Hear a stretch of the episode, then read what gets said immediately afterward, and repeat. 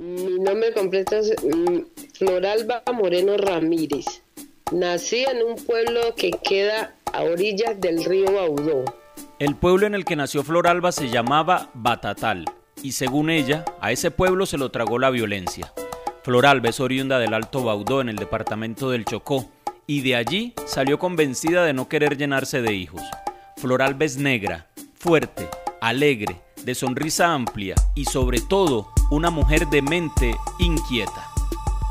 Yo pensaba, yo no quiero estar acá como se crió mi mamá, que estuvo ahí en ese lugar, nunca salió, tuvo los hijos y siempre permaneció como en el mismo sitio. Entonces uno ya cuando va creciendo y llegan otras primas que han estado afuera y le cuentan la historia de afuera, entonces uno también quiere como conocer esas historias. Entonces uno dice, yo no me voy a quedar aquí, voy a, a emigrar a otra parte a ver qué puedo conseguir o mi vida puede ser diferente a la que yo he visto permanente aquí, que mi mamá no salía como de lo mismo. Floralba tiene 57 años y ya han pasado casi cinco décadas desde que tomó la decisión de asumir las riendas de lo que iba a pasar con su futuro. Es trabajadora doméstica y esta es parte de su historia.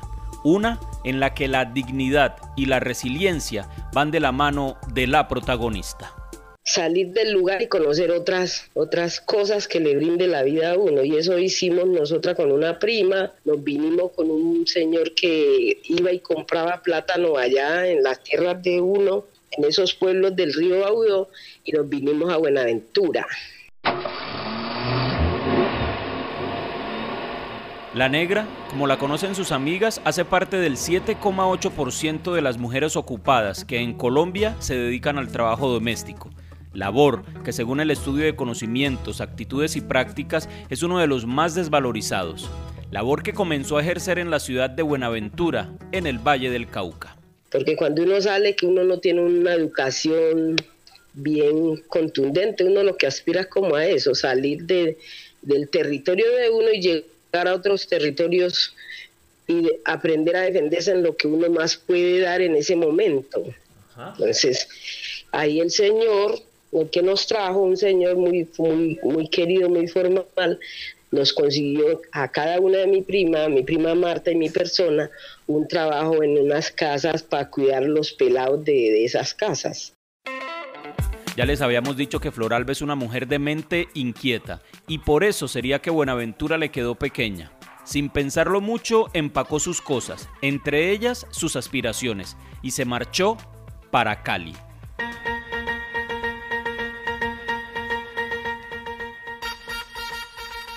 La Cali de la salsa, de la feria, la Cali de la América, la Cali de los Rodríguez y la Cali de las oportunidades.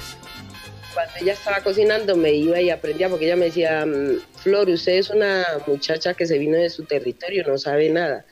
Y yo no quiero que usted al salir de mi casa coja malos caminos porque no sabe nada. Entonces, eh, cada vez que ella iba a cocinar me decía que fuera a, verla para que yo fuera aprendiendo. De modo que cuando me saliera de allá no fuera a coger caminos diferentes, pues que por decir ella me decía que me, llevaran a la prostitución por no saber defenderme en una cocina. Entonces ahí yo empecé a aprender todos esos platos que ella hacía y cuando ya me salí de ahí ya, ya me empecé a defender en la cocina, que yo cocinaba ya, hacía, me, mis patrones me decían, Flor, mm, hay invitados, y vaya a la 14 y compre lo que necesite para la comida. Y yo hacía con plato para 15, 20 personas, 10 personas. En Cali, la negra aprendió a cocinar, pero sobre todo aprendió a escuchar y a darse cuenta de la importancia que tiene aprovechar las oportunidades, que a veces llegan en forma de consejos.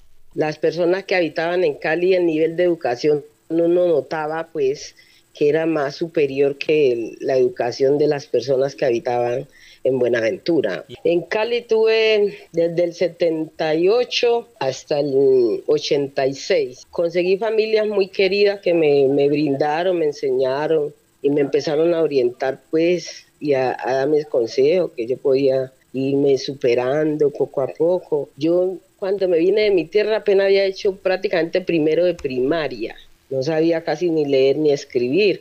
Ahí conseguí una señora que me metió a estudiar nocturna en, Cali, y ahí hice hasta octavo de bachillerato.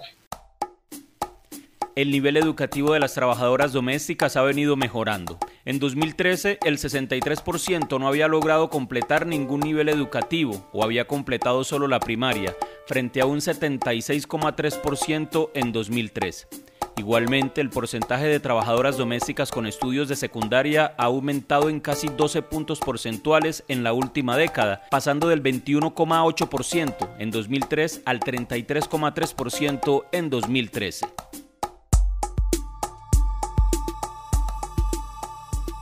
Las circunstancias iban llevando a Floralba de casa en casa.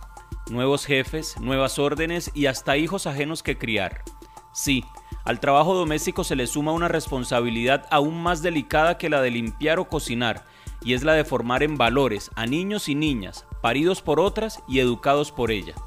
Es por eso que resulta altamente contradictorio que quienes cuidan y crían los ciudadanos de un país, a quienes se les confía lo más valioso de las familias, sea a su vez el sector más invisibilizado y donde los derechos de sus trabajadores y trabajadoras son más vulnerados. Anteriormente usted entraba a una casa y era hacer todo, todo en una casa, empezando desde cuidar los hijos de las patronas, ¿no es cierto? Uno prácticamente era como una segunda madre para los hijos de las patronas, cuidarlo, estar pendiente, mandarlos al colegio, recibirlo, sentarse con ellos para que hicieran las tareas, todo eso, eso le tocaba a uno porque las mamás, en ese entonces las mamás pues, que decíamos nosotras que eran las ricas pues del pueblo, ellas no se preocupaban por los hijos, sino se lo, se lo adicionaban a uno y uno era que tenía que estar velando por, por los hijos de los patrones, que comieran, que se bañaran, que fueran al colegio, que llegaran, recibirlo, que hicieran las tareas,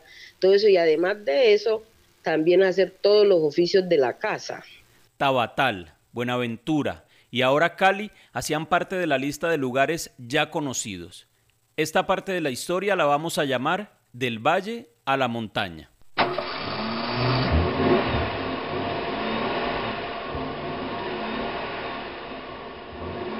Impulsada por el amor, Floralba de nuevo empacó sus cosas. Por supuesto en ellas iban sus aspiraciones y emprendió el camino que la llevaría hasta donde ha permanecido durante los últimos 22 años, Medellín.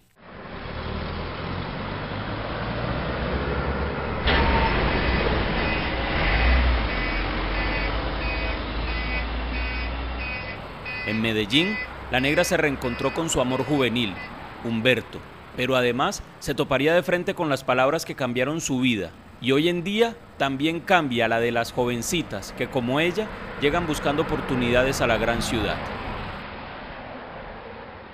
Esa mi patrona y yo todavía trabajo con ella, ah, Sara, doña Sara Escobar, sí doña Sara Escobar fue la que me, me, llamó un día y me dijo, Flor, usted nunca la han tenido en el Seguro Social, nunca una patrona que usted ha tenido hablado de, de que usted puede pensionarse para que usted tenga una vejez más tranquila, que usted de pronto cuando ya esté vieja, que no pueda trabajar, tenga un sueldo, como sostenerse. Y yo le dije, no, doña Sara, a mí nunca me han hablado de eso, simplemente me pagan mi sueldo y ya. Entonces ella me empezó, dijo, yo sí la voy a ayudar, yo sí la voy a ayudar, y empezó y me, pidió los papeles pues, que exigía, y yo se los llevé y ahí mismo ella me afilió al seguro, me afilió a riesgo profesional y me afilió a pensión. Seguridad social, mesada pensional, días de descansos, esas y otras eran las palabras hasta entonces desconocidas para Floralba.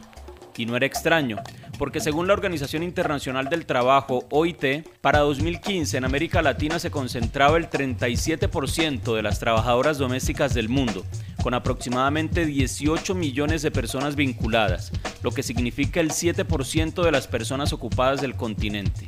El trabajo doméstico remunerado representa aproximadamente 10% del empleo informal en este continente, puesto que de estos 18 millones de personas, el 77,5% está en la informalidad. Yo no entendía nada porque ninguno de los patrones que yo tuve me hablaron.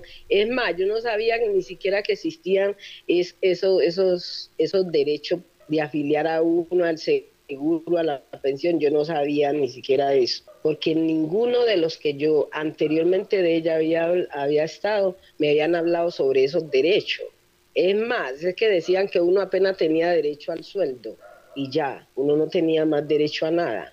Capítulo aparte en esta historia merece Doña Sara, un ejemplo para los empleadores, quienes sin temor a equivocarse deben despojarse de cualquier viso de explotación y discriminación y reconocer el valor que no solo para ellos, sino para la sociedad tiene el trabajo que realiza Floralba y millones de trabajadoras domésticas que no piden regalos, sino un trato justo, honesto.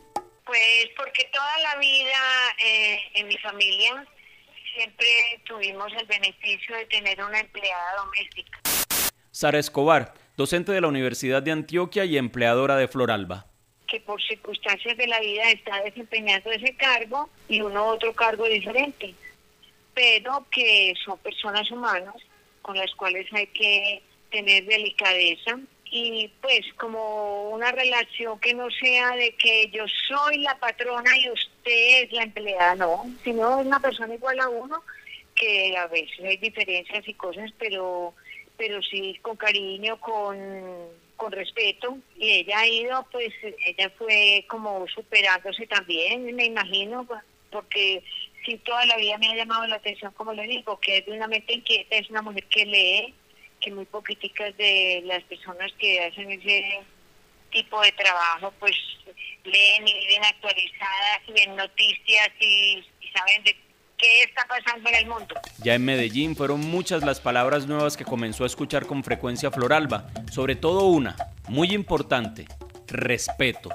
Y ya conseguí amigas que ya tenían más ideas de eso y empezaron a hablarme los derechos que yo tenía y ahí yo empecé a ya exigir, porque yo muchas veces, muchas veces, vea, yo me salía de un trabajo y yo ni, no, es, no sabía ni siquiera que tenía derecho a liquidación. Muchas veces dejaba las liquidaciones en los trabajos y no me decían, vea, usted tiene derecho a esto. Muchas veces en Cali, sin saberlo, yo dejé liquidación de trabajo, ahí de dos, tres años que no me liquidaban, por no saber, porque no había una persona aquí en Colombia que le dijera a una empleada, vea, sus derechos son esto, lo de acá, lo de allá. Ha pasado el tiempo. De Tabatal, el montón de casas apeñuscadas a orillas del río Baudó ya no queda nada. Al pueblo, como les contábamos, se lo tragó la violencia. Y después, el río. Buenaventura sigue ahí. Cali espera por la feria todos los diciembres. Y Floralba en Medellín, firme en sus convicciones, de mente inquieta, acompañada del amor de su vida, trabajando hasta que pueda pensionarse, viendo a sus hijas convertirse en mujeres, tan dedicadas como ella, esta parte de la vida de Floralba podríamos titularla El hoy de la negra.